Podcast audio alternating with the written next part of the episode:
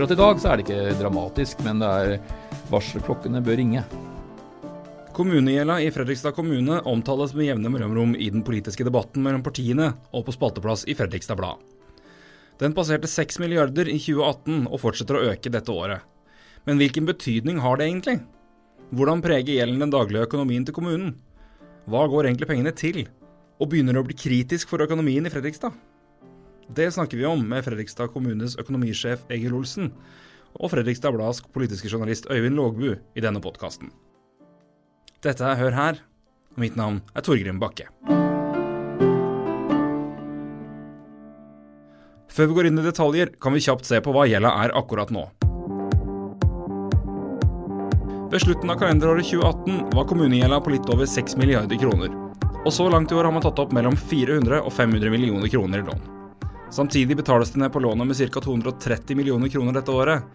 Men uansett vil gjelda øke med et tresifret millionbeløp i løpet av kalenderåret 2019. Og det er heller ikke noe nytt. Gjelda til Fredrikstad kommune har økt jevnlig de siste årene. Men der er de ikke alene, bare så det er sagt. Fra 2000 til 2017 ble den totale gjelden til kommunene i Norge firedoblet, fra 150 milliarder til 600 milliarder. Når det gjelder kommunal gjeld, snakker man ofte om det totale beløpet, altså i overkant av 6 milliarder. Men når man ser nærmere på det, vil det dele seg i kategorier som påvirker kommunen forskjellig. Det forklarer Egil Olsen mer om her. Kan si sånn, altså det Gjeldsvolum i en kommune består grovt, nå er veldig grovt, på, i to bolker. Den ene delen av gjelda er den som blir dekket av eksterne parter, også innbyggerne i Fredrikstad. Eller innbyggere i en kommune, for å være helt generell. Det er betjening av gjeld i forhold til vann, avløp, renovasjon. Så har vi eh, en del boliger. Det er omsorgsboliger innen pleie og omsorg. Det er en del andre boliger som, hvor det er husleier så har vi også noe lån som staten dekker. Det er tidligere ordninger i forhold til utbygging av sykehjem, i forhold til eh, omsorgsboliger og, eh, og skoleutbygging. Såkalt, da får vi såkalt kompensasjonstilskudd, og den er også da dekker renter og eller avdrag i tillegg. Ca. halvparten av volumet, pleier å bruke det som nøkkeltall, halvparten er det da som dekka via da den type penger. Resten går innenfor det handlingsrommet som kommunen har gjennom eh, frie inntekter. Vil si at vi da, hver krone og vi betaler i renter og avdrag, vil jo ha en vil jo da gå over driftsbudsjettet. Så når du og jeg f.eks. betaler vannavgift, er det deler av det beløpet som går til å betale gjeld tilknyttet av vann og avløp. Dette skiller seg ut siden dette er såkalt selvkost. Dette er ikke områder kommunen skal kunne gjøre noe fortjeneste på. Den typen gjeld utgjør ca. halvparten av Fredrikstad kommunes gjeld. Den andre halvparten er penger lånt for å investere i tjenester til innbyggerne. Det er skoler, sykehjem, omsorgsboliger, nye veier osv. Og, det er denne delen som direkte påvirker kommunens rammevilkår. Men hvordan påvirker det egentlig hele handlingsrommet til kommunen? Begynner det å bli kritisk nå? Ikke ennå, ifølge økonomisjefen. Altså, det er jo Gjeld må betjenes. Og eh, selvfølgelig, gjeld totalt på over 6 milliarder er jo et relativt stort beløp. Og, men, men, noe av utfordringen er også den eh, egenkapitalen vår, at den blir noe lav. Altså Behovene er jo der. Det er behov for eh, gode skolebygg, gode altså sykehjem, omsorgsboliger, kulturbygg. Men det er det å kunne ha rom til egenkapitalen. Så det jo, er jo et mål å ha større egenkapital for å slippe å ta opp så mye gjeld. Men her er jo en avveining mellom veldig mange formål. Så og, eh, dette må jo finansieres. Og sjøl om gjelda har økt jevnlig, er det ingen som tar lett på det i administrasjonen. Gjeldsnivået vurderes kontinuerlig. Altså, Rådmannen vil jo i hvert, ethvert budsjett og en handlingsplan også ha noen tanker, vurderinger eh, rundt gjeldsvolumet. Og eh, selvfølgelig, gjeld jo Tar vi opp et lån i dag, så er jo det en forpliktelse i ca. 30 år. Og da kan du jo tenke høyere gjeld en tar opp, jo større forpliktelse blir det. Og så da binder vi jo framtidige rammer. Den ligger der. og Gjelda ligger der i 30 år, den. Vi tar jo stort sett 30-årslån. Ja, da kan jo tenke seg at det Det blir jo en del kroner, da. Men så må vi også se hva får vi igjen for det. Det er som sagt gode bygg, f.eks. Det er jo en del av tjenestene. Det er ikke penger ut av vinduet. Dette er tjeneste, bygger og tjenester her. Til innbyggerne. Så, så, er jo utfordringen er jo da, i kommunal sammenheng er jo gjerne da betalingsevnen. Altså, det skal jo håndteres innenfor trange rammer. Så selvfølgelig, jo større ramme vi har, jo lettere blir det å betjene gjeld. Jo strammere rammer det er. Og så tenker det fra, vi får fra staten gjennom skatteinntekter, rammetilskudd, eiendomsskatt og sånne ting. Da, da blir det tyngre igjen. Hvis de strammer igjen. Og gjelda ligger og, og, følger jo da en viss renteutvikling, da. Og for tida så har vi jo lave renter.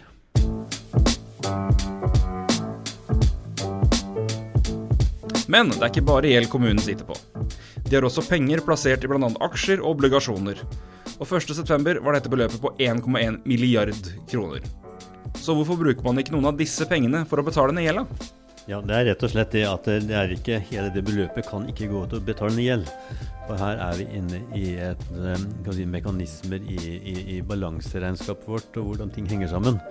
400-500 eh, millioner av den volumet vi snakker om her, kan eh, teknisk sett brukes til å betale gjeld. Men da vil jo tømme, si, tømme fondene våre.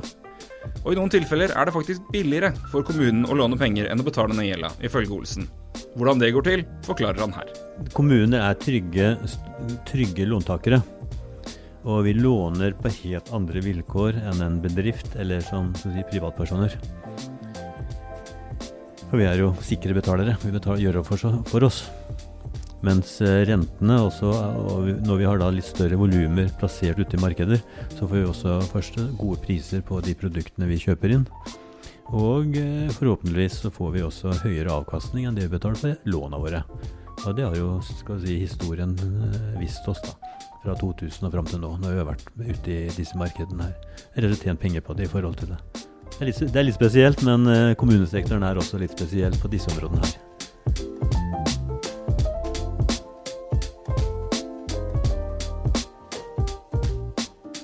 Øyvind, du er jo på politisk uh, hund i for avisa her, så jeg må høre litt med deg òg når det gjelder ja kommuneøkonomi, for det er, vel, eh, det er vel et tema som har blitt diskutert iblant når du har vært på litt ymse møter. Ganske mange ganger, ja. ja. ja. Hvis du tar først den økonomiske til, eh, situasjonen eller tilstanden generelt i, i, Fredrikstad kommune, hva, hvordan vil du beskrive den nå i 2019? Akkurat nå er det ganske kritisk på den måten at det er ganske store overskridelser som er varsla både innenfor helse og velferd og, inn, og ja, oppvekst for så vidt, men størst innenfor helse og velferd, og nå innenfor teknisk.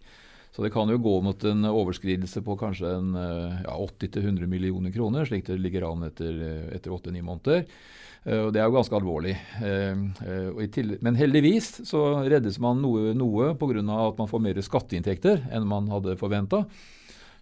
over 70 millioner var vel, var vel utfallet etter ni måneder. I tillegg så er det noe bedre på pensjon. slik at det, det er mulig at man kommer ikke så gærent ut totalt sett allikevel. Men eh, det er jo bekymringsfullt at det er så store overskridelser i, i drifta. For det er jo noe man må slite med over, over lang tid, som man må få, gjort noe med. Så det er for så vidt dramatisk, men ikke sånn akkurat i år i 20, 2019 pga. andre forhold. da. Det her er jo det generelle bildet. Eh, noe av det vi skal snakke om nå i, det økonomiske Frøystad, er jo det, den eh, gjelda som kommunen har, som nå ligger på ja, mellom 6 og 6,5 milliard. Eh, hvordan påvirker gjelda den økonomiske tilstanden per i dag? Den påvirker jo situasjonen negativt i den forstand at man må betale renter og avdrag. En ganske stor del av budsjettet går til å betale eller dekke det, si, tidligere gjeld. Eh, så det er jo ganske, ganske stor sum. Eh, og I tillegg så er det jo alltid en risiko i forhold til renta. Nå jo, har jo renta vært lav en lang periode, men hvis renta skulle øke, så ville det bli ganske dramatisk for kommunen hvis man skulle få en rente som var kanskje 2-3-4 høyere enn i dag. da, I, i antall prosent. Så kan, Får man 5% f.eks., så vil det gi store utslag for kommunen. Så, så gjelda er, er, bekymringsfull, men eh, det er jo ikke all gjeld som, som belaster budsjettet direkte. Noe går også til å, som dekkes av innbyggerne direkte gjennom egne, gjennom egne betalinger. da.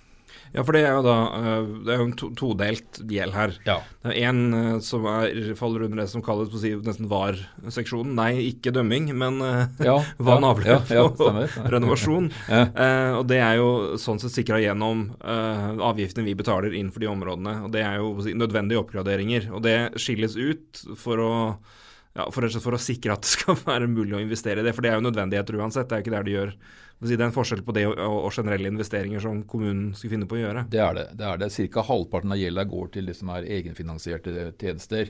Eller selvfinansierende tjenester, som man, man sier. Det, det, det, er jo allikevel ikke, ikke, så greit for innbyggerne, for de skal jo betale det. Altså En vanlig innbygger skal jo også betale avgifter. slik at det er hvis det er en veldig sterk økning i den delen av låneopptaket, så vil også det belaste den enkelte innbyggers økonomi. Så, så innbyggerne blir berørt uansett. Men for kommunens drift så er det klart at det er viktig å skille dette her. da. At eh, det at man da tar opp eh, si, lån til vann- og avløpsinvesteringer, si, går ikke utover helse- og velferdsoppgaver f.eks.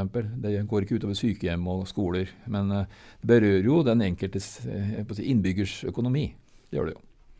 Det er mange ting som kan bli politiske poeng når det gjelder økonomi. Eh, mm. Gjeld har dukka opp litt. Vi hørte det vel i, i, noen, eh, i, i, noen, grad i valgkampen at det ble noe snakka om. Men det er samtidig, det var ikke et, var ikke et overveldende politisk poeng. Er det, er det et, et, punkt til mye uenighet mellom de forskjellige blokkene, eller er det en, en si, felles investeringsenighet om at det må eh, investeres i Fredrikstad, og det det krever at det lånes. Ja, det er ganske stor enighet rundt det. og Jeg, jeg, jeg la også merke til at Høyre i, sitt, i sitt forslag til, handling, til handlingsplan forrige gang hadde lagt opp til et større investeringsvolum enn det Arbeiderpartiet la opp til, så vidt jeg husker. Så, så, det er jo stor enighet om at man skal investere. Altså, det der uenigheten går mest på, er på det med hvordan man skal spare. Hvordan skal man effektivisere, hva skal man gjøre for å redusere utgiftene. Det er mer uenighet der enn på låneopptak og investeringer. så jeg tror partiene generelt er innstilt på å ha et høyt låneopptak. Det gjelder jo Bl.a. Arena Fredrikstad, for eksempel, hvor man er enige. Det gjelder skoleinvesteringer, det gjelder helse, det gjelder altså Onsøyheimen. Det gjelder ja, en rekke store investeringer som man er enige om i, i, i alle partier, stort sett. Da, bortsett fra Arena Fredrikstad, hvor det er noe uenighet blant partiene. Mm.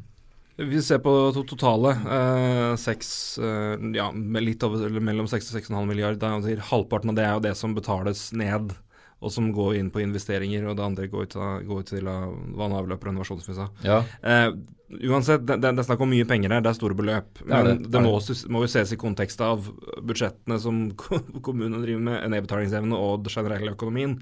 Men uh, uansett, men er det, er det, nå på et nivå at det er kritisk mye gjeld, eller nærmer det seg, eller er det foreløpig en, en overkommelig situasjon hvis man ser på hva si, hvordan øvrige kommuner har det? Foreløpig så er det vel eh, overkommelig. Det er jo et høyt uh, gjeldsnivå. Altså Fredrikstad har, har, mer gjeld enn gjennomsnittet av norske kommuner. Men uh, det er ikke sånn dramatisk. Og, Tett om 80, 80 000 per innbygger, er det det? per innbygger. Og det er klart at Hvis du har en ganske lav gjeld, så klar, lav, lav, rente, unnskyld, en lav rente, så vil man klare å betjene den gjelda ganske godt. Men det er klart hvis renta skulle gå opp, så er det jo veldig ille da for kommunen og for innbyggerne. Så er, man er egentlig avhengig av å ha en ganske lav, lav rente. Så men, eh, men, man har også penger på bok. altså Man har jo ca. en milliard kroner som kommunen har, eh, som de har investert i obligasjoner, litt i aksjer, noe står i eller pengemarkedet da.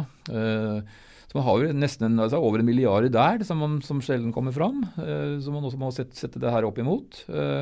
Og så har man selvfølgelig også eiendom og eiendeler som har en ganske stor verdi, så det er ikke noe dramatikk i det. Men, eh, men gjeldsbelastningen bør ikke bli noe særlig høyere enn i dag. Så det er nok viktig å begrense gjeldsøkningen framover, og ikke og være forsiktig da, for å tenke på framtida, særlig i forhold til renteøkning, så vil det være ganske ille. Men akkurat i dag så er det ikke dramatisk, men det er varselklokkene bør ringe. Du kan abonnere på Hør her gjennom Apple Podcasts, Spotify og andre steder du hører på podcasts. Du kan også følge oss på Facebook.